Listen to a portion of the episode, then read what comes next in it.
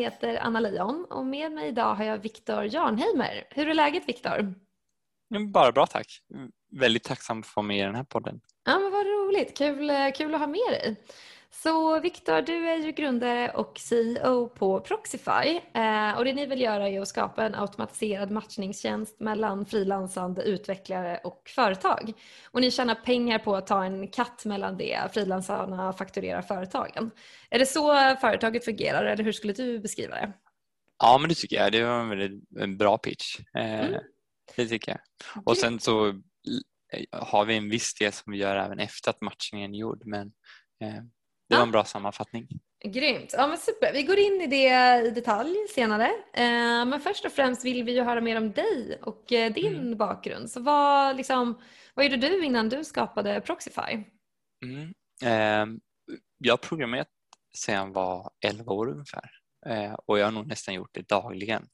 Även om de senaste två åren måste erkänna har varit betydligt mindre och det är något som jag saknar så fruktansvärt mycket. Eh, men eh, de flesta grejerna jag varit har varit i gränslandet mellan ja, men någon businessidé och eh, ofta väldigt IT-tungt.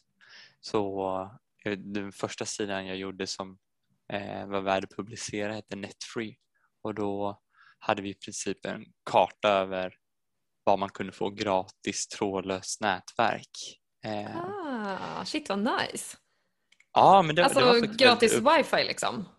Ja, exakt. Och det var ah. egentligen innan det blev vanligt att ha lösenord på sin router. Nu är det i princip omöjligt att få gratis wifi. Men den, var, den blev ganska populär måste jag säga i samband med att Skype växte.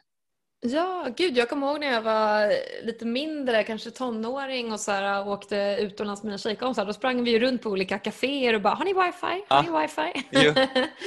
uh, Gud, det kommer jag verkligen ihåg. Men, men gud, berätta mer om det. Hur funkar det? Hur får du reda på, hur kan man liksom få reda på var det finns eh, öppna wifi-nätverk någonstans?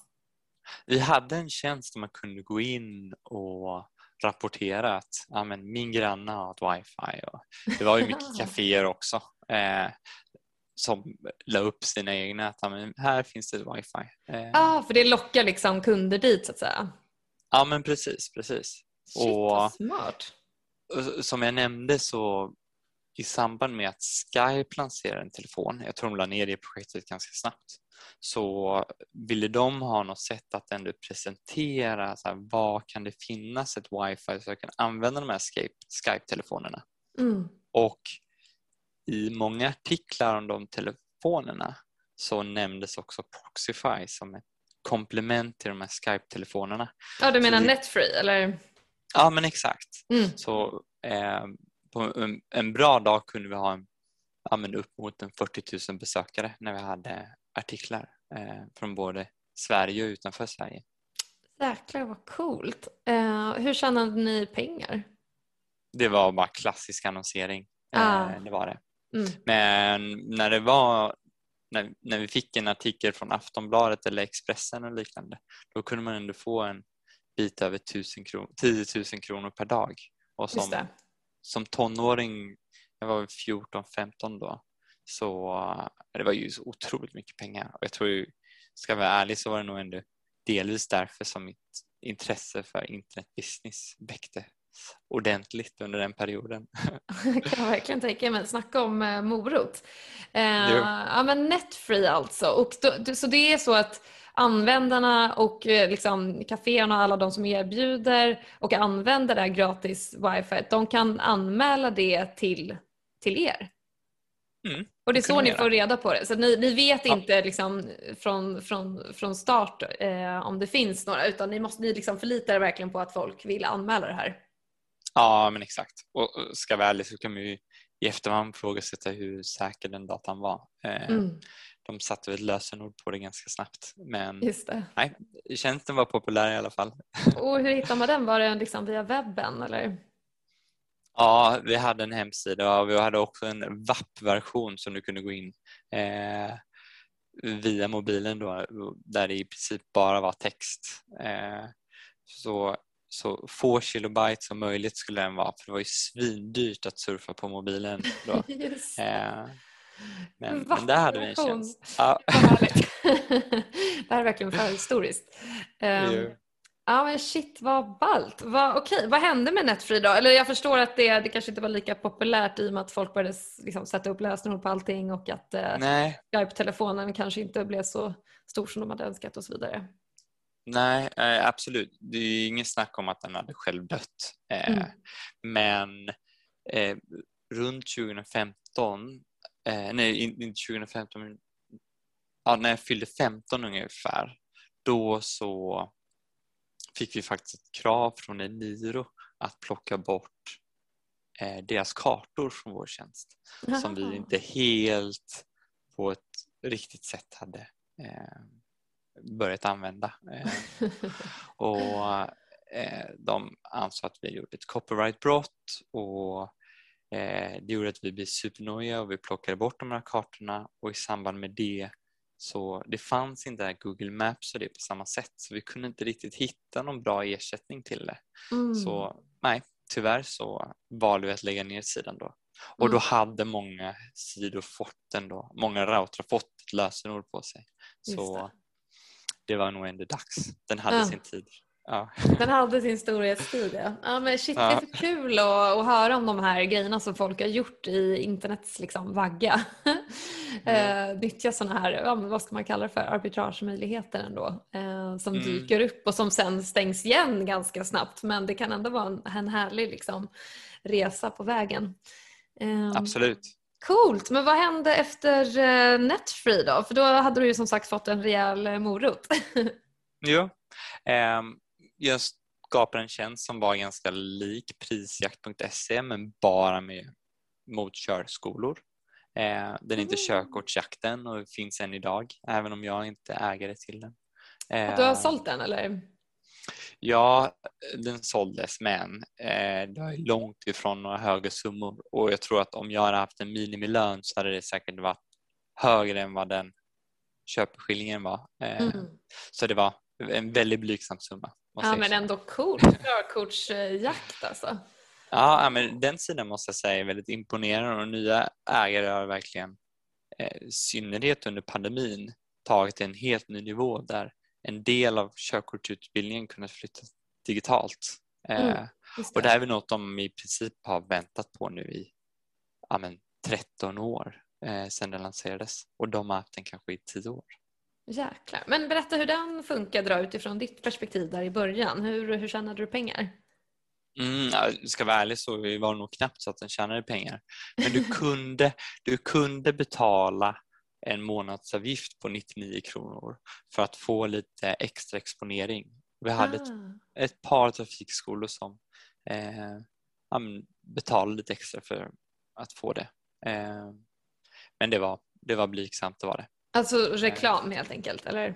Ja, exakt. Mm. Allt från bannrar till att du fick presentera fem fördelar om din skola istället för en och så vidare. Mm. Och vad gav den för mervärde till eh, användarna rent konkret? Väldigt bra skulle jag säga just när det kommer till priserna för att ha ett körkort. Ah. Ehm, det är ungefär 100 000 personer som tar ett körkort varje år i Sverige och på den sidan så hade vi ungefär 120 000 besökare varje år. Så det var enormt många som gick in och jämförde trafikskolorna innan de hörde av sig till en trafikskola. Mm. Eh, och sen efter att jag slutade där så har de lagt till allt från bokningsmöjlighet till att du kan ta digitala kurser och så vidare. Eh, mm. Men kärnan är ändå kvar och det är att man kan se om en trafikskola är bättre än en annan. Ja, jämföra dem helt enkelt och ja. liksom pris och andra faktorer. Shit vad bra! Gud, superimponerande och så roligt liksom att Tack. verkligen göra ja, konkreta produkter på det här sättet. Ja. Eh, ballt. Vad hände efter körkortsjakt då? Eh, jag har drivit ett bolag som heter Evuma eh, som idag heter Nokflex. Eh, där det var en matteplattform. Eh, och, och, som du hör så är det ganska de har utgått från problem som jag själv upplevt i min vardag. Eh, Mm. Både från trafikskolor till wifi och nu är det en digital mattebok. Just det. Eh, det är härligt.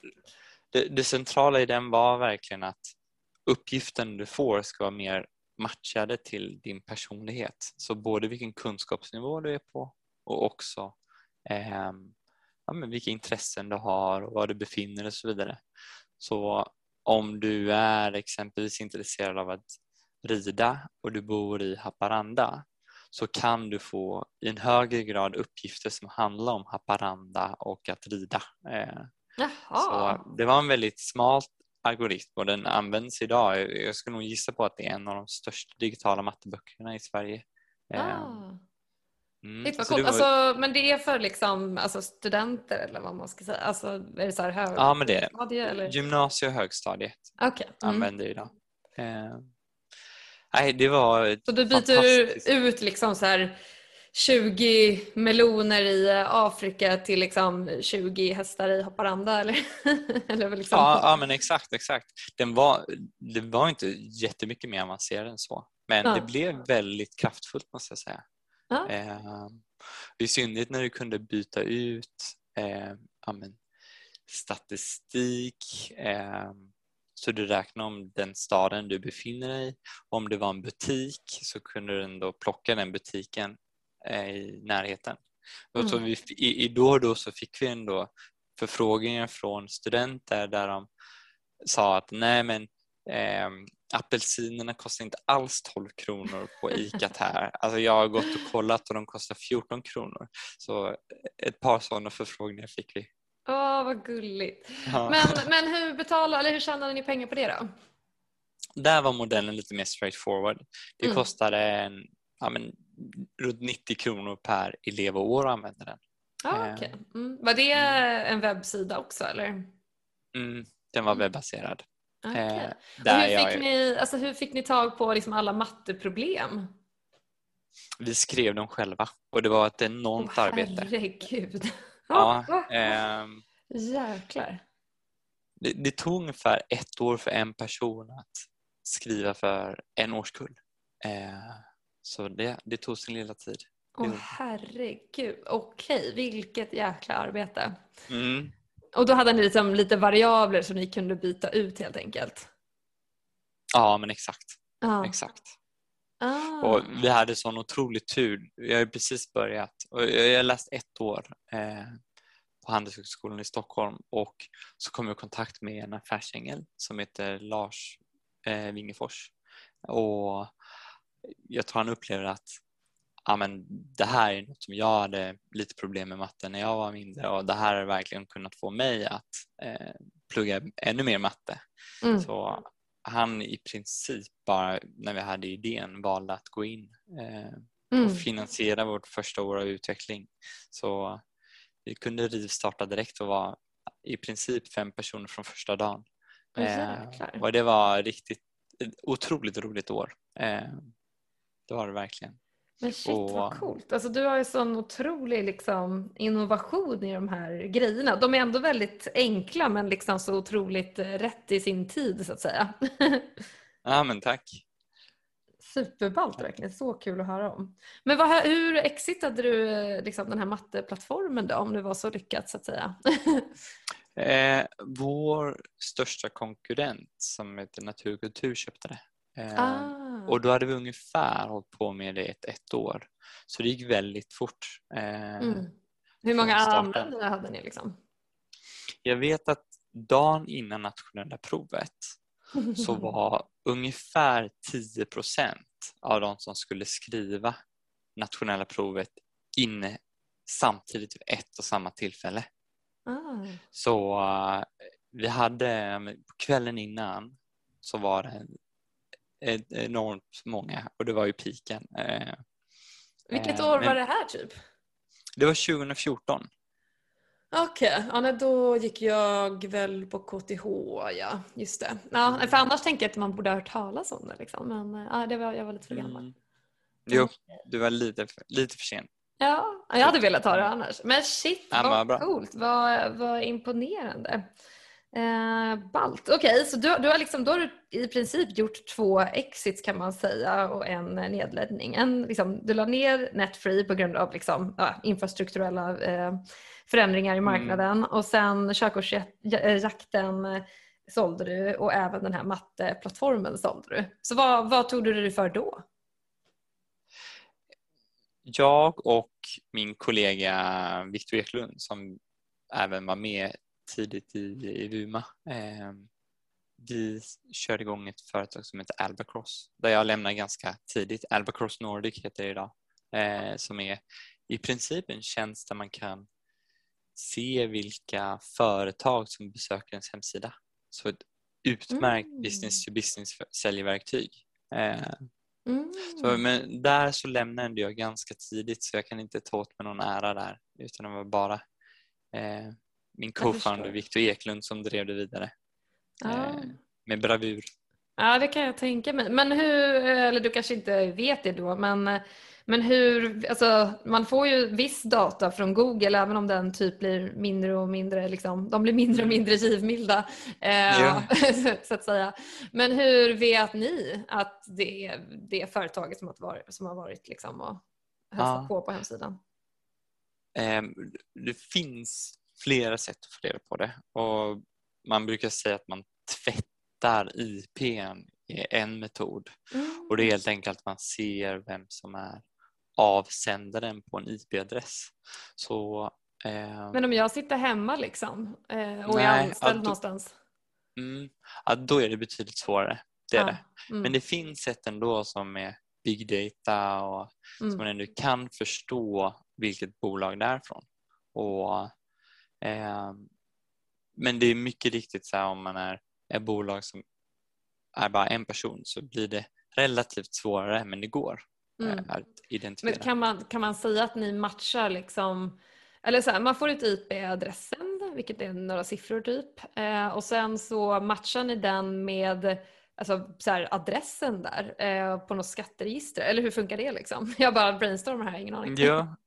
Nej, men i, i princip så är det så. Att man, ja ta en lista med ett facit och sen så kollar man vad tillhör den här IP-adressen. Och sen vet jag att de har kommit betydligt längre tek tekniskt sett. Mm. Och det finns en uppsjö med spännande sätt som man ändå kan ta reda på vem som är på andra sidan. Mm. Och tack vare också att det inte är personer man letar efter utan bara företag så mm. ger det inte samma utmaning med GDPR och liknande. Just det, just det. Så det är tacksamt.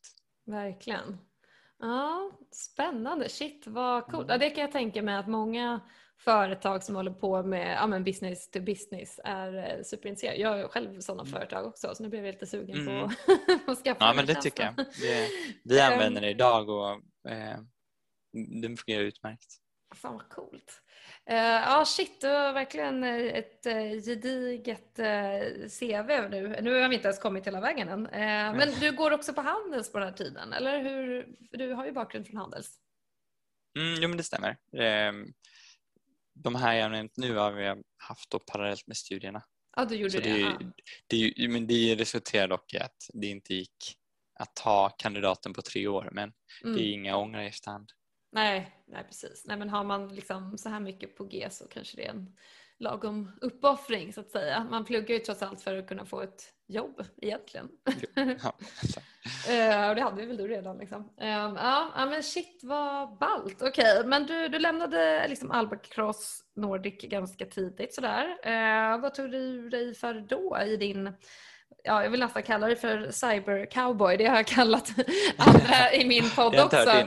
Men det känns som att du är en cybercowboy. Du, liksom, du jobbar med webben, du är extremt eh, innovativ och du är så här rätt i tiden med många av de här grejerna. Det är lite, jag får lite cybercowboy-vibbar. Men, eh, men fortsätt, vad, vad hände efter liksom Alba Cross eh, Nordic? Ja, eh, det, det, var en liten paus där jag jobbade på natur och kultur ett tag. Och, eh, så vidare. Men eh, något som var gemensamt för de här bolagen det var att utöver mig så hade vi även utvecklare på distans. Och mm. Ehm, eh, jag måste nämna det i synnerhet när det kommer till Evuma. Då hade vi ja, en utvecklare som hette Vitali och en som hette Max. Och i samband med att bolaget fick nya ägare så var de tyvärr tvungna att lämna. Mm. Och eh, ja, men, I Max fall, jag vet att han var ung, han bodde i långt ut i Ryssland i en liten stad som heter Kirov mm. och mm. på riktigt är en av de absolut bästa utvecklarna jag jobbat med. Mm. Och jag vill minnas att han tog 20 dollar i timmen, så det är 160 kronor i timmen ungefär. Mm. Och jag vet att han sa att han tjänar ungefär fyra gånger mer än sina um, föräldrar tillsammans. Och det var verkligen fantastiskt att se ändå hur eh, den här möjligheten att ja, jobba med oss eh, verkligen lyfte honom och från ett ekonomiskt perspektiv gav honom så mycket förutsättningar. Mm. Jag vet, han, han och hans familj de flyttade, eh, han började på universitetet och mycket av det var ändå tack vare detta. Eh, mm. Cool. Var han självlärd då eller? Ja, det var han. Det var han. Ballt. Vilket så språk eh, liksom, programmerade han i? Han körde i POPS precis som jag. Ah, och okay. Han var en expert inom Laravel som är ett ramverk inom POP. Eh, det. Och det hade jag precis börjat med. Så han, fast han var ett par år yngre så var han ändå min, min mentor inom det. Eh, Hur fick ni kontakt med honom då? Det var på någon eh, forum vill jag minnas på nätet. ja, det var väldigt... Ja. Är, vad är det? Är det så här, typ Reddit eller liksom Hacker News eller var? Ja, men det hade typ kunnat vara sådana sidor. Eh, jag vill minnas att det var Stack Overflow som vi ah. hittade varandra på. Eh, mm. Men och jag, jag, kan också förstå så här när de nya ägarna att det inte var möjligt för honom att fortsätta där. Det känns ju förstås inte så här supertryggt och det är ganska svårt då för dem att förstå så här, men är han verkligen en sån guldklimp? Och jag skulle mm. nästan säga från, från den dagen är du haft idén lite om att men, kan jag finnas däremellan och hjälpa företag när de faktiskt letar efter utvecklare på distans. Eh, men sen skulle det ta ganska många år innan vi kör igång med det här. Mm. Eh. Men, det, men det är det som är, det är liksom Proxify som är nästa grej efter Alba Cross eller? Ja men exakt, det mm, stämmer. Mm. Så det är det som har triggats igång då Ja, men jag fattar alltså, exakt för liksom, du har gjort hela den här resan, du har sett att den här modellen funkar liksom, gång på gång och att du är svinnöjd och levererar bra grejer. Mm. Eh, så då liksom, det här, är det här är ju klassiskt att man liksom skapar bolag utifrån problemen man själv ser mm. så att säga. Eh, det, är, det är ju liksom den bästa anledningen om något för då har ju säkert många andra det problemet också så att säga. Nej men visst, verkligen. Eller så är det att jag inte har någon fantasi helt enkelt. ja men det är så här, om, om du kan liksom bevisa att use går att lösa och liksom, det är ett, ett valid use case helt enkelt. Mm. Eh, då, då kommer det förmodligen gälla för andra också. Så det, jag tycker det är superbra. Jag brukar kalla det för så här, scratch your own itch. Eh, ah, ah. Så det är en superbra approach tycker jag. Men berätta mer då om, eh, om Proxify. Eh, ja, men jag skulle säga att Proxify är lite då den som ställer sig emellan och lite plockar ut guldkornen från eh, ja, med andra marknader än Sverige. Jag är en väldigt, väldigt stor förespråkare till att inte leta efter kompetens bara nära kontoret utan på distans och inte av den primära anledningen av att komma billigare undan utan bara det faktumet att tyvärr, det är inte möjligt att hitta all kompetens som krävs i Stockholm. Det är för konkurrensutsatt och vi har många bolag som har en helt annan ekonomisk förutsättning att ja, attrahera talang. Eh, så om man vill ha de absolut bästa så anser jag verkligen att man bör titta på utvecklare ja, längre bort. Mm. Så, så vi i princip hjälper bolag, ofta startups, att bygga upp sin IT-organisation. Eh, och det brukar resultera i att det blir en mix med personer både i Sverige och också på distans. Mm. Eh. Ja, men det är härligt. Alltså jag, ja, man ser verkligen det, det behovet. Eh, men en, en klassisk fråga som jag också brukar ställa i, i mina avsnitt är ju hur ni mm. kom på namnet. Och du, du har ju massa roliga namn här. Jag vill också höra om eh, alltså Eduma och Albacross och, och gänget. Eh, det är ju verkligen innovativt. Så, men vi kan börja med Proxify. Hur kommer du på det namnet? Liksom? Ska jag vara ärlig så skickade vi in 11 förslag till Bolagsverket mm. eh, innan vi fick detta godkänt. Så eh, det var vårt elfte val helt enkelt. Eh, proxy kommer från att det är någonting emellan. Mm. Eh, så ja, lite som en proxy-server exempelvis. Eh, men ja, eh, därav namnet Proxify. Och så var det ledigt på Bolagsverket och på de domänerna ni ville ha. Exakt, exakt. Ja. Precis så. Och så de... tog det kanske ett år innan man kände att men det här är ett helt det är det bästa namnet vi kunde ha. Exakt. Ja, men det är de ramvillkoren som man liksom tvingas, tvingas jobba med. Eh, ledigt på Bolagsverket och ledigt på domänerna. Mm. Eh, ja, jag fattar. Men hur kommer det sig med så här, Eduma då till exempel? Mm. Evuma är evolution math. Så, eh, mm, så det är därav kommer Evuma. Netfree är ganska klockrent, det är bara gratis internet. Hade ni, hade ni den domänen också, .com, eller var det bara för Sverige? Ja, men vi hade, vi tänkte internationellt så vi hade, eh, vi hade alla olika. Åh jäklar! Eh, det var lite lättare då att få tag på domäner eh, än vad det är nu. Men den kan ni säkert eh, sälja bara den för några hundratusen. ja, nu dessvärre har vi inte kvar dem längre men. Eh, ja, jag fattar. Eh, Okej, okay. ja men coolt. Eh, ja, men den, är ju en sån där nöt som man bara måste knäcka på gott och ont. Um, men uh, men okej, men vi säger så här, okay, ni, du, du vill liksom, den här idén som du har i ditt huvud om att uh, det är liksom skitbra med, med remote-utvecklare. Hur, liksom, i början där, hur, hur visste du, eller hur bevisade du snarare att det skulle funka även för andra företag? Alltså ni har ändå på med det här i några år nu så det är inte en, kanske inte en överbevisad modell liksom. nej, nej. Det är så proof of concept. Jo, jag skulle säga precis i början så var den kanske nästan som enklast.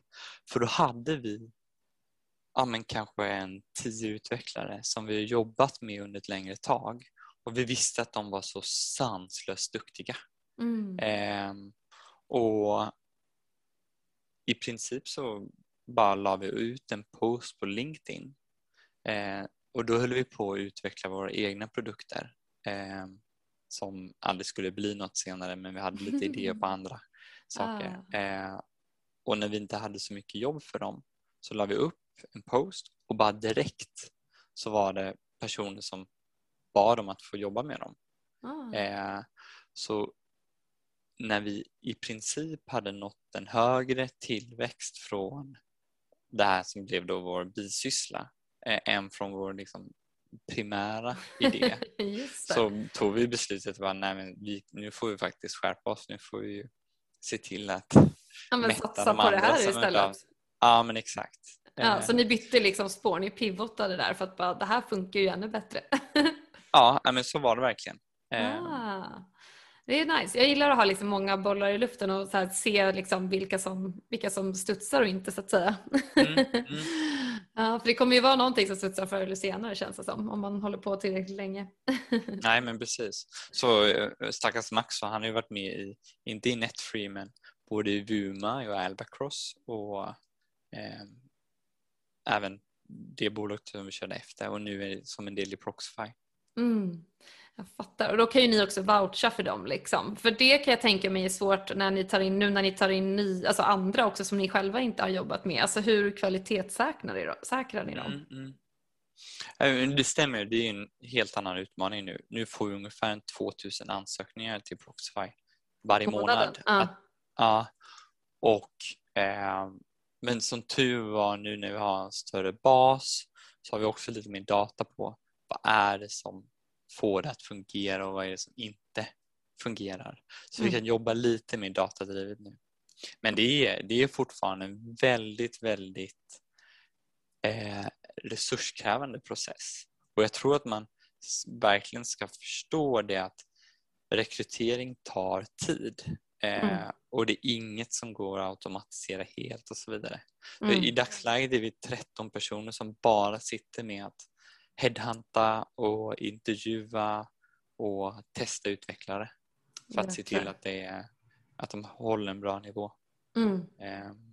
Och vad, vad, alltså ni tar ju någonting i eh, en katt emellan det de mm. fakturerar mm. liksom. Eller är det ni som fakturerar företagen eller är det frilansarna? Har de egna företag så att säga? Eller? Ja, då, nästan alla har egna företag. Mm, I eh. sina respektive länder liksom? Exakt. Ah, och så ja, fakturerar de oss och så fakturerar vi till bolaget. Ah, men, okay. men, det är, jag, jag, tycker det är väldigt intressant för att eh, just eftersom att en utvecklare får en lite mer trygghet genom Proxify så brukar de också vara villiga att gå ner en bit i lön. Mm. Eh, för att ofta så kan vi till och med garantera att du kommer ha jobb nu i, i med en månads uppsägningstid exempelvis. Mm. Och Det gör att om företaget hade valt att gå direkt till de utvecklarna så är det inte nödvändigtvis så att de hade fått en, en lägre rate jämfört med om vi befinner oss däremellan. Mm. Eh, Vad är er cut? Är den typ 10% eller något sånt? Ja, det varierar väldigt, eh, det skulle jag säga. Eh, det kan absolut gå mot 10% om det är väldigt långa relationer. Eh, mm. Det är det. Mm, jag fattar. Jämfört med om det är ett kort gig så är det mer Ja men det är så roligt för jag frilansar ju själv, det kanske inte du vet ja. om men jag är ju också jo, men det frilansare. absolut. ja vad kul. Uh, men det, vi, alltså det, era utvecklare på er hemsida det står ju att ni tar typ 29 till 35 euro i timmen tror jag. Mm. Mm. Eh, medan jag och mina frilansarpolare vi tar väl omkring liksom, 1000 kronor i, mm. i timmen. Eh, men då brukar ju oftast konsultmäklare ta ungefär 10 procent. Eh, mm. Men så, så som jag tolkar er så är ju ni i princip en konsultmäklare fast för liksom, utomlands tech-talang så att säga. Ja, men jag skulle säga det ena benet, helt klart. Mm. Och, och sen det andra benet skulle jag säga är att hur kan vi säkerställa att faktiskt utvecklaren gör det som är tänkt? Eh, så vi jobbar mycket med att se till att de jobbar de på plats idag? Har de semester? När är deras eh, semesterdagar? Och, mm. eh, även om det är så att de har någon blocker, alltså något som gör att de inte kommer vidare framåt, så har vi ett team som sitter och hjälper utvecklarna. Så det skulle kunna vara en POP-utvecklare som har problem med servern och då rapporterar de en blocker på morgonen och då kan vi kanske ta hjälp av en av våra inhouse DevOps som hjälper till. Eh, mm. Så det, det finns eh, ett par tjänster runt om det som är väldigt, väldigt populära. Mm, eh. ja, jag fattar. Gud, jag har ju själv också gått i tankarna på att starta konsultmäklarbolag. Ja. Men det, det jag ville göra var ju faktiskt att konvertera anställda IT-konsulter till frilansande mm. IT-konsulter för att de okay. tjänar mycket mer. Liksom. Ja, men vad spännande. Och då hade vi något som vi lanserade som vi kallade för the one year freelance deal. Så då var de anställda av oss i ett år under en övergångsperiod. Liksom. Okej. Okay. Eh, och så gjorde jag massa marknadsföring eh, via, av den, alltså bara i min blogg och i mina kanaler. Liksom. Jag har ju haft blogg ja. i, i, flera år och sådär så det var ju massa som hittade dit och ansökte. Men sen tyckte jag att det blev liksom alldeles för jobbigt att eh, liksom bara mejla och ha samtal med de här personerna mm. typ dagligen. Och jag, är, ja. jag är ju en sån person som är intresserad av att bygga techprodukter så jag vill ju liksom bara mycket hellre göra det än att liksom hantera, alltså vara typ chef liksom, eh, till, till massa tech-talanger där ute och sen egentligen ville jag ju bara att de skulle bli frilansare själva på en gång så istället för att liksom vara, vara anställda. Det var ju det som jag drevs av att konvertera de här. Eh, så det kändes taskigt att ta pengarna liksom. Så därför slutade jag med det. Men, eh, men, nej, men jag, jag, tycker att alla borde vara frilansare. Eh, så jag, alltså jag gillar verkligen att promota den modellen mm. och jag tror att det är det som vi går mot också i gigmarknaden. Eller vad, eller vad tror du? Ja, men det, det kan jag tänka mig. Eh, absolut. För I vår del kan jag tänka mig att många av de konsulterna, de vill kanske snarare att de vill ha ett, ett, ett en stabilitet. Eh, mm. hos ett bolag även om det är remote. Men det är helt klart att den här fördelen med att vara frilansare att du inte behöver gå till ett kontor, du väljer var du ska jobba, du är lite mer din chef och du blir bedömd på mer din output mm. än kanske din input. Eh, absolut, det delar jag till fullo. Vad känner du är den stora fördelen med att vara frilansare? Oh, nu kommer vi in på mitt favoritämne här. Jag skulle kunna starta en podd om det också. Men yeah. egentligen har jag podden som handlar om textskapande. Men eh, nej, men absolut. Alltså jag, jag gillar ju bara inte tanken på att ha en chef. Liksom. Jag förstår inte varför jag ska ha en chef. Jag är extremt självgående. Du är väldigt många andra techtalanger mm. också. Och jag gillar inte alltså, företagspolitik eh, och så här, stångas med vassa armbågar och allt det här jag, jag, kan liksom, jag kan inte se mig själv sitta i ett liksom, lönesamtal. Eh, utan utan jag, jag, jag gillar verkligen tanken alltså, ur ett liksom, makroperspektiv på att min kompetens jämförs med mm. andra kontinuerligt på en fri marknad mm. och eh, liksom, lönen sätts efter hur attraktiv mm. min kompetens är. Och jag måste hela tiden jobba med kompetens eh, eh för, eller vad ska man säga, ja, öka min eh, kompetens helt enkelt för att vara, för att vara attraktiv och det är ett liksom ja. skitstor det är skitstor efterfrågan och det är ganska stor tillgång också. Eh, men det är klart att alltså, tech-talanger kommer alltid vara liksom stor efterfrågan på. Så, att, så att jag gillar ju tanken på ur ett makroperspektiv ah. att exponeras för det här. Eh, jag är inte så trygghetssökande utan snarare extremt eh, vad ska man säga, ja, jag, jag liksom behöver verkligen ingen som håller mig i handen. Så det är många av de här delarna. Sen driver jag ju så många egna företag och produkter själv så att, jag får ju, mm. att man får in pengar i sitt egna bolag och sen kan satsa det på sina egna produkter eh, inom mm. sitt bolag och driva andra grejer. Det, det är ju den absolut främsta fördelen för någon som är som jag som också mm. vill mm. bygga egna produkter. Så att, eh, det är inget snack liksom. Eh, så att, eh, ja, men det är så roligt. Men, men okej, okay, alltså, för jag är lite intresserad av, eh, nu, nu, nu liksom blir det ett så en paketfråga här, men med alla dina produkter, du har ju haft liksom Netfree, Körkortsjakten, och Eduma och Albacross och nu mm. även Proxify. Hur får du in kunderna? Alltså, i, om vi bara tar Proxify så är det ju företagen, eh, men om vi tar liksom Netfree, alltså hur, hur fick ni in era kunder? Gör ni någonsin reklam eller jobbar ni mer så här med growth hacking eller content mm, mm. creation? Mm. Eller vad, vad är din liksom go-to strategy med att få in kunder? Det har varierat väldigt mycket från varje, måste jag mm. säga. Och varje case har nog varit väldigt unikt. Eh, med Albacross har vi haft en, när, i alla fall när jag jobbar där, en väldigt uppsökande sälj genom cold calling helt enkelt.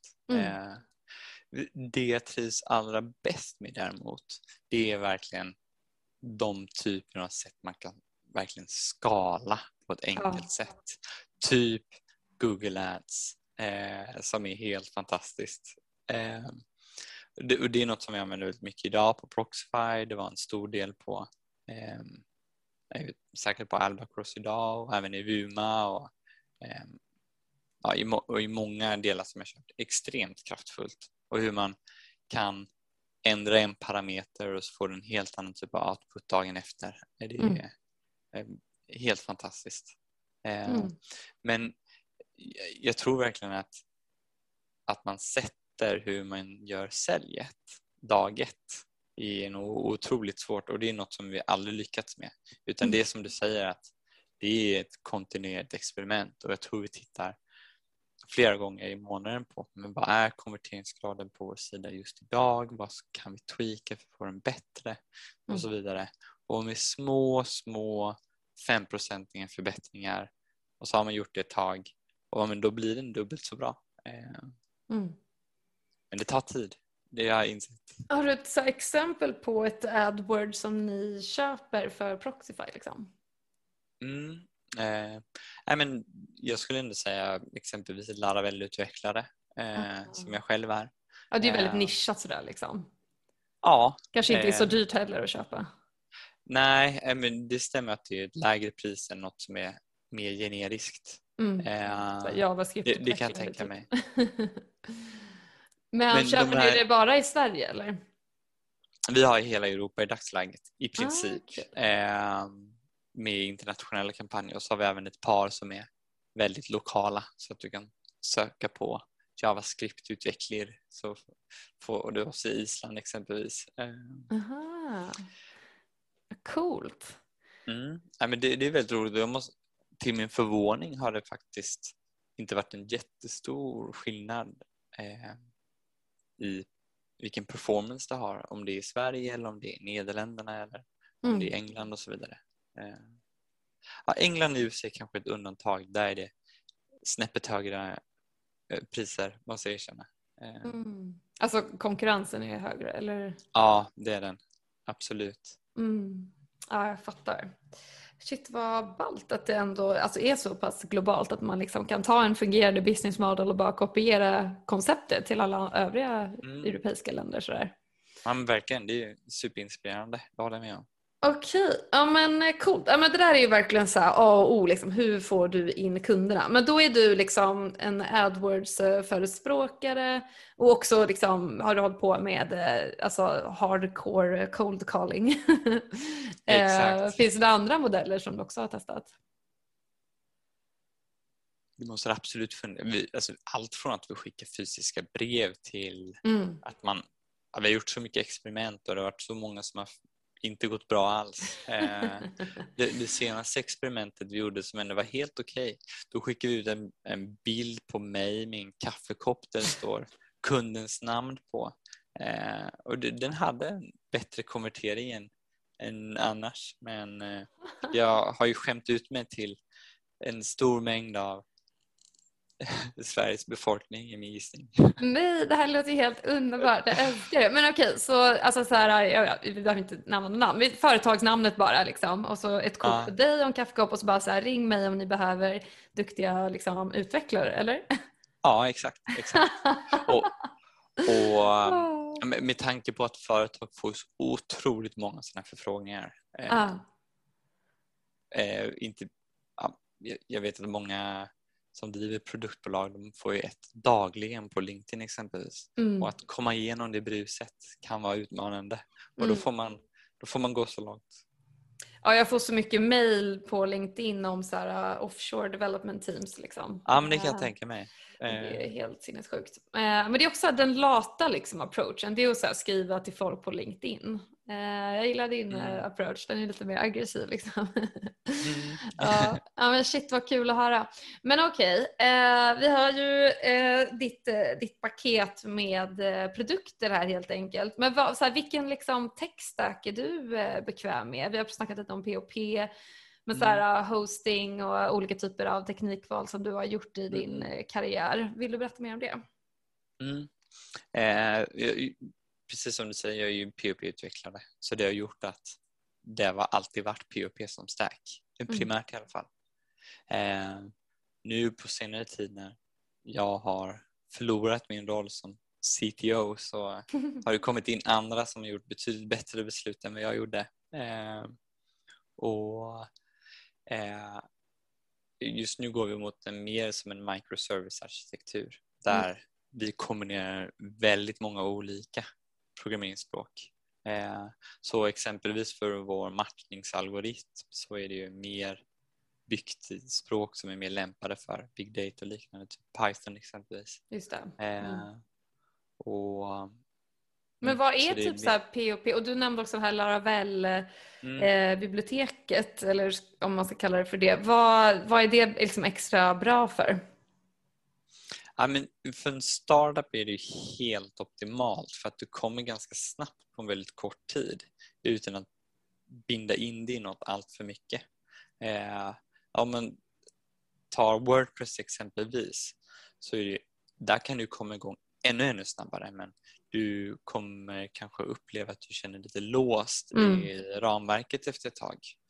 Men jag tycker Laravel är en väldigt bra balans mellan eh, att man kommer igång snabbt och att du inte känner dig låst. Mm. Så jag är en stor förespråkare till Laravel. Men eh, jag tror att om vi hade byggt om Proxify idag så kanske vi inte hade valt Laravel utan då kanske man valt något som är ännu mer öppet. Mm. Eh, men mm. Mm, jag fattar. Ja men coolt.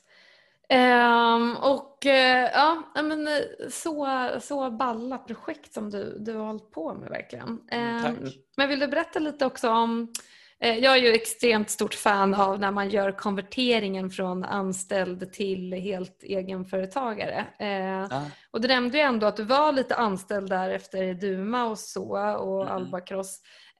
så, men du började jobba på Proxify parallellt eller hur, hur skedde det där? Nej, till skillnad från dig är jag den sämsta multitasken på jorden tror jag. Eh, jag, jag är typ totalt... Eh, jag, jag, kan verkligen inte göra två grejer samtidigt eh, utan att känna mig väldigt stressad. Så jag har kört allt sekventiellt. Så Proxify skedde eh, vad blir det, 2018, så egentligen fyra år efter naturkultur. Mm. Så jag har haft en liten period där som jag har avslutat studierna och eh, även jobbade på naturkultur efter. Mm. Och då sa du upp dig och sen körde du all in liksom utan någon, och så kanske du sparat lite pengar, alltså utan någon så här, mm. ingen, ingen stadig inkomst i, i när, vad ska man säga, i, i, i närheten. Nej, Nej. Ja, jag fattar. Ja, oh, shit, det där, det där är tufft. Många drömmer ju om att få göra den konverteringen, eh, inklusive jag själv. Liksom. Man vill ju sluta sälja sin tid så att säga och bara kunna liksom, mm. satsa all in på att bygga en produkt långsiktigt eh, och ett företag långsiktigt mer. Absolut, det är otroligt roligt. Visst ja, gud, jag är lite avundsjuk på dig. Men, äh, ja, men shit vad coolt. Men okej, okay, med alla dina superspännande projekt som du har haft för dig, vad, kan du berätta lite om liksom, några kriser eller misstag som du har upplevt och gjort under, under den här tiden? Eh, ja, men jag, jag skulle ändå nämna Max ändå som jag jobbade väldigt, väldigt tajt med tillsammans med Vitali på i Vuma just när de slutade och det var mina stora mentorer skulle jag vilja påstå. Eh, det var 2014 och Max befann sig i Ryssland och Vitaly befann sig i, eh, i Kiev i Ukraina. Och på samma dag så skrev de på Skype att jag måste gå in i kriget. Eh, och då har vi Vitali på ena sidan och Max på andra sidan. Oh, eh, som har jobbat ihop då i, ja, med flera ihop även om det varit remote. Eh, och så plötsligt så behöver båda avsluta samtidigt. Eh, för att gå in i ett krig där de i princip ska kriga mot varandra. Alltså Krimhalvön eh, eller? Ja exakt. Åh oh, herregud.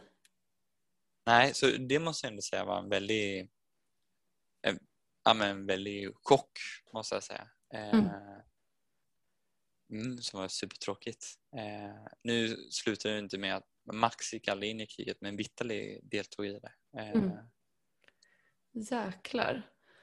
Ja, tuff, tuff grej. Ja men verkligen. Och sen så är det klart så här, som en startup är, det handlar ju om att lösa problem och eh, nu kommer jag inte ihåg vem det var som sa det men jag tycker det är ett bra quote att värdet av bolaget är summan av alla problem som har lösts. Mm. Så jag hoppas att vi har en kultur där det verkligen man ser på problem som ändå något fint och något som ja, är där för att lösas helt enkelt. Mm, jag, jag håller verkligen med. Alltså man får ju ha en så trial and error approach. Man får vara redo att liksom pivota i princip hela tiden eh, mm. för att liksom komma fram till, den där, till det där som funkar på alla plan. Eh, för oftast är det ju liksom att man så saknar någonting. Är det, så här, oh, det kan vara marknadsföring eller det kan vara att man inte löser ett problem tillräckligt bra. Eller så kan det vara, ja men du vet, och så får man liksom hela tiden. Och det där tror jag att folk liksom har fått lite grann om bakfoten. Att de, så här, de tänker att ja, men då, då misslyckades jag för jag löste inte det där problemet. Så bara, fast du har ju lärt dig jättemycket nu. Nu måste du bara liksom resa dig upp igen och pivota åt ett annat håll eh, som det liksom, den, den mest logiska riktningen givet var du står just nu är och sen får du fortsätta ja. iterera. Liksom. Håller du inte med? Eller? Nej men precis, helt enig. Eh, helt det, alltså det är så här, ja, liksom misstag eller så här, ja men du vet, det, det existerar liksom inte utan det, det handlar ju bara om att resa sig upp och folk är så rädda mm. för att, för att liksom tappa ansiktet tror jag. Eh, eller? Har du, har du någonsin känt så? Eh, Jo, men så kan det säkert vara. Det är inte något som jag har reflekterat över men eh, har man investerat mycket tid i något så är det klart att man inte vill eh, utåt sett att det ska se ut som att det är ett misslyckande. Eh, det har jag full förståelse för. Ja men exakt och även folk som jag har träffat som vill bli bara frilansare, inte ens liksom ta ett ännu större steg utan liksom bara det här med att bli egenföretagare och göra samma mm. sak som du redan gör idag. Bara det är ju folk så rädda för att nej men tänk om jag misslyckas. Och jag har ju alltid bara sagt så här, men gå tillbaka till en anställning då. Det är ju inga mm. problem. Eh, och det, det handlar inte om att så här, tappa ansiktet, det handlar om att våga våga testa någonting som, som lockar en. Eh, och sen ja. har du, då finns alltid ett safety net. Liksom. För att är du, är du, kan du få ett frilansuppdrag då kan du få en anställning i princip. Alltså för det, det är ju, liksom, säger ju sig självt. Så att säga.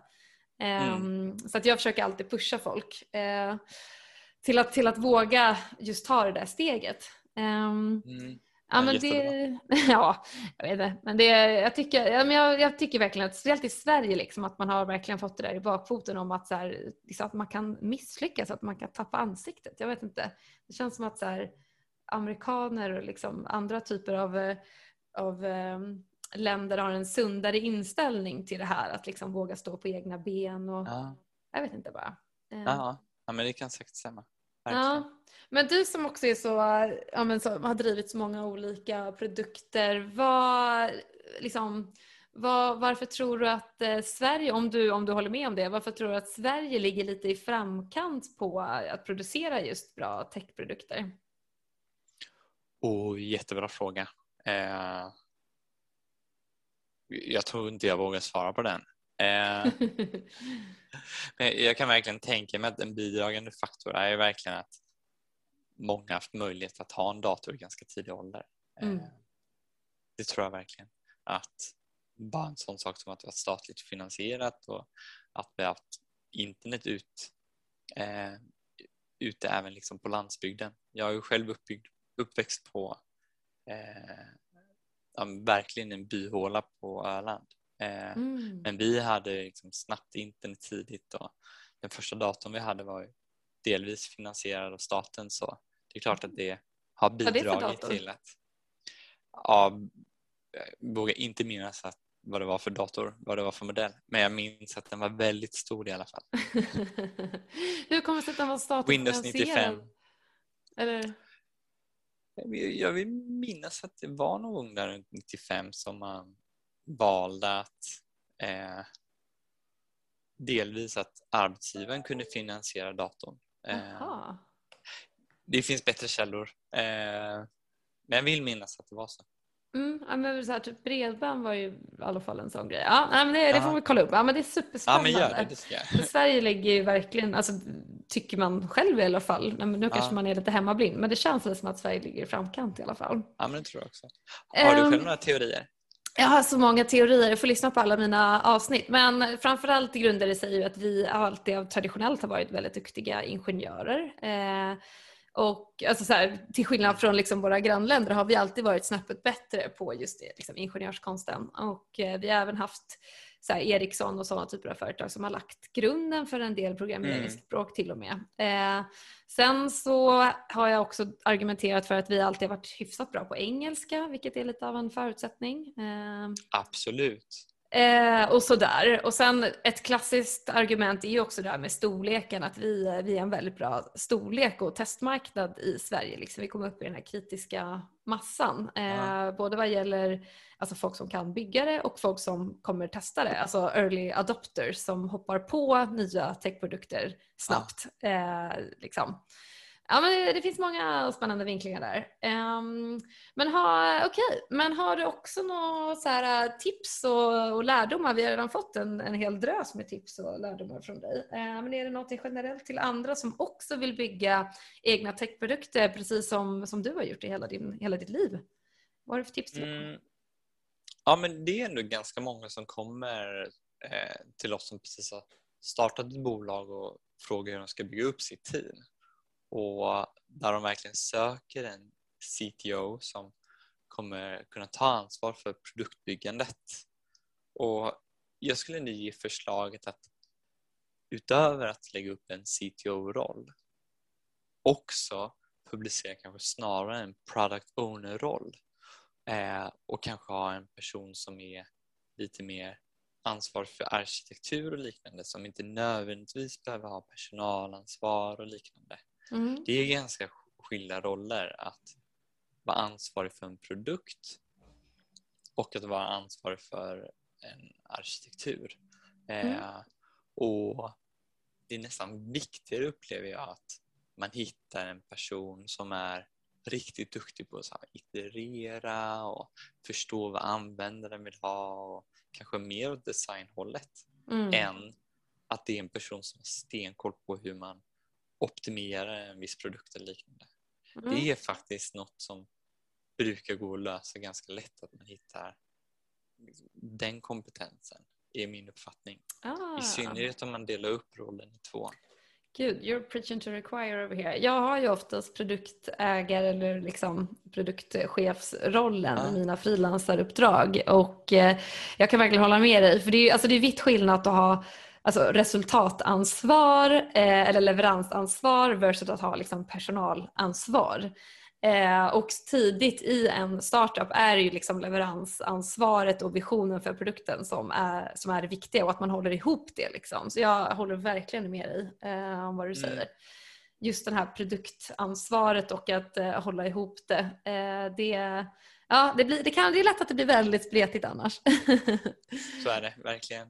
Eh, och jag menar liksom personalansvaret som en klassisk CTO-roll kanske har det, det alla, liksom, oftast är man ju väldigt självgående och väldigt driven om man liksom söker sig till en startup redan från början. Så jag tror att det är mm. lite sekundärt faktiskt. Eh, men vad, vad vet jag? jag, jag delar den uppfattningen och bara det faktum att det, det är svårt som det är att hitta en person som har en programmeringskunskap mm. man då också ska ha krav på att det här ska vara en person som ska driva produkten och ha personalansvar utöver det. Då blir det ju exceptionellt mycket svårare. Mm. Gud ja, verkligen. Jag håller med. Uh, ja men shit vad ballt. Uh, jag är också lite nyfiken på kring finansieringen. Uh, du har ju du har kört både liksom bootstrappad eller självfinansierat men sen också med ängelinvesterare mm. eller kanske till och med liksom riskkapital eller så. Men eh, vad har du för liksom tips och lärdomar kring, den, kring det och vad tycker du om bäst? Mm. I, I Vuma var ju ett case där vi tog in en affärsängel ganska tidigt. Det var 700 000 kronor tog vi in. Uh, och det var en förutsättning för att vi kunde lansera produkten. Ibland så har man ju möjlighet att finansiera själv och liknande. Och det är ju superbra om man kan komma en bit innan man tar in något externt kapital. Men mm. Min uppfattning är att ibland är det case där man måste ta in och ibland är det case där man inte behöver göra det. Det kanske inte är något val alltid. Eh, eh, nu när det kommer till Proxify är det supertacksamma att modellen som den är är ganska riskfri. Mm, och exakt vi har inget superkapitalbehov så vi har haft möjlighet att bootstrappa. Mm. Um, nice. Även om det är förstås superkul om man får in liksom en stor påse pengar och kan göra mer rejäla satsningar. Uh, mm. jag, jag, tror ju helt klart att vi har kommit snabbare framåt om vi hade en sån kultur. Uh, helt klart. Och mm. inte behövde bootstrappa. Mm, exakt. jag, jag tycker det där är superspännande Eh, för det, det är ju som du säger, det är ju liksom det, det, det, är ett beslut som både är strategiskt och sen eh, ibland har du inga val eh, och sen också liksom utifrån din egna finansiella situationsperspektiv. Eh, mm. Så det är så många olika parametrar som måste tas med i det beslutet. Jag tycker det är, ja, det är väldigt spännande liksom, hur, man, hur man hankar sig fram där i början helt enkelt. Nej men absolut. um, ja men coolt. Uh, har du några nya features och vad är din liksom, vision framöver uh, för Proxify eller om du jobbar på någonting annat också för den delen. Uh, så vad, vad ser vi framöver här nu? Vad kommer, liksom, vad kommer Viktor leverera? Ja, det blir inga nya startups i alla fall. Jag är här för att stanna känner jag. Okay. Mm. oh, ja. Men just nu sitter vi med otroligt mycket egen utveckling. Vi är sex utvecklare internt. Eh, men där nästan alla jobbar med interna förbättringar. Alltså hur kan vi effektivisera så att utvecklaren blir mer nöjd eh, och även kunden blir mer nöjd. Och just nu så har vi ett enormt fokus på eh, just matchningen mellan företag och olika kandidater. För mm. att hur kan vi i förhand veta om det här är en bra matchning eller inte? Mm. Eh, det är ju förstås så otroligt kostsamt för en startup att få en fel rekrytering. Och allt vi kan göra där för att förhindra det är ju guld värt. Och det sitter vi mycket nu. Och det är i princip big data-projekt där vi tittar på de historiska projekt vi har haft. Vad är faktorer som gör att det går bra och vad är faktorer som gör att det går mindre bra? Mm. Eh, och vi har haft allt ifrån logiktest till personlighetstester och så vidare. Och eh, caseintervjuer och mm. vi har testat ja, på ett väldigt experimentellt sätt många olika metoder. Och nu börjar vi landa i ett par metoder som vi verkligen har ja, god korrelation med deras framtida performance. Jag fattar. Det är extremt många som vill digitalisera rekrytering. Eh, och det är ju så otroligt svårt för att ha så många liksom, alltså, vad ska man säga, element av eh, ja, men, eh, mänskliga element helt enkelt. Eh, verkligen, verkligen. Det är en eh, stor utmaning. Svårt att sätta siffror på allting också kan jag tänka mig. ja, Nej, men, ja, men shit vad precis. Ja, men då kanske det blir du som, som lyckas med det där gyllene liksom, framgångsreceptet på hur man faktiskt digitaliserar rekrytering. Det ska bli, ska bli kul att följa dig. Gud vad spännande. Ja, Grymt! Så kul att ha uh, haft med dig. Så kul att höra om, om din resa och allt du har gjort. Det är superinspirerande. Samma, jättekul att vara med. Ja, toppen. Men uh, till slut då, vet du någon annan textskapare som tycker att jag borde intervjua härnäst? jag tycker du borde intervjua Victor Eklund som blir Välbacross idag. Då kommer han kunna besvara de frågorna som inte jag kunde besvara. Och det är ju ett bolag som är väldigt, väldigt IT-tungt och mm. som verkligen ligger i framkant inom deras nisch. Eh, både från ett ja, men, tekniskt perspektiv och också vilken produkt de erbjuder. Ah. Så honom tycker jag det ska intervjua. Ja, det är superbra. Jag får någon eh, kontaktuppgift av dig kanske sådär. Eh, ja, men det lovar brukar vara lättare att komma in den vägen. De svarar inte när jag skriver på LinkedIn ibland. Men eh, ja, shit vad, vad bra. Ja, men det är en supercool produkt verkligen. Alltså den, den skulle jag verkligen vilja hugga tag i. Mm. Ja, men så, så otroligt trevligt. Och tack så hemskt mycket för att du var med. Det är jag som ska tacka.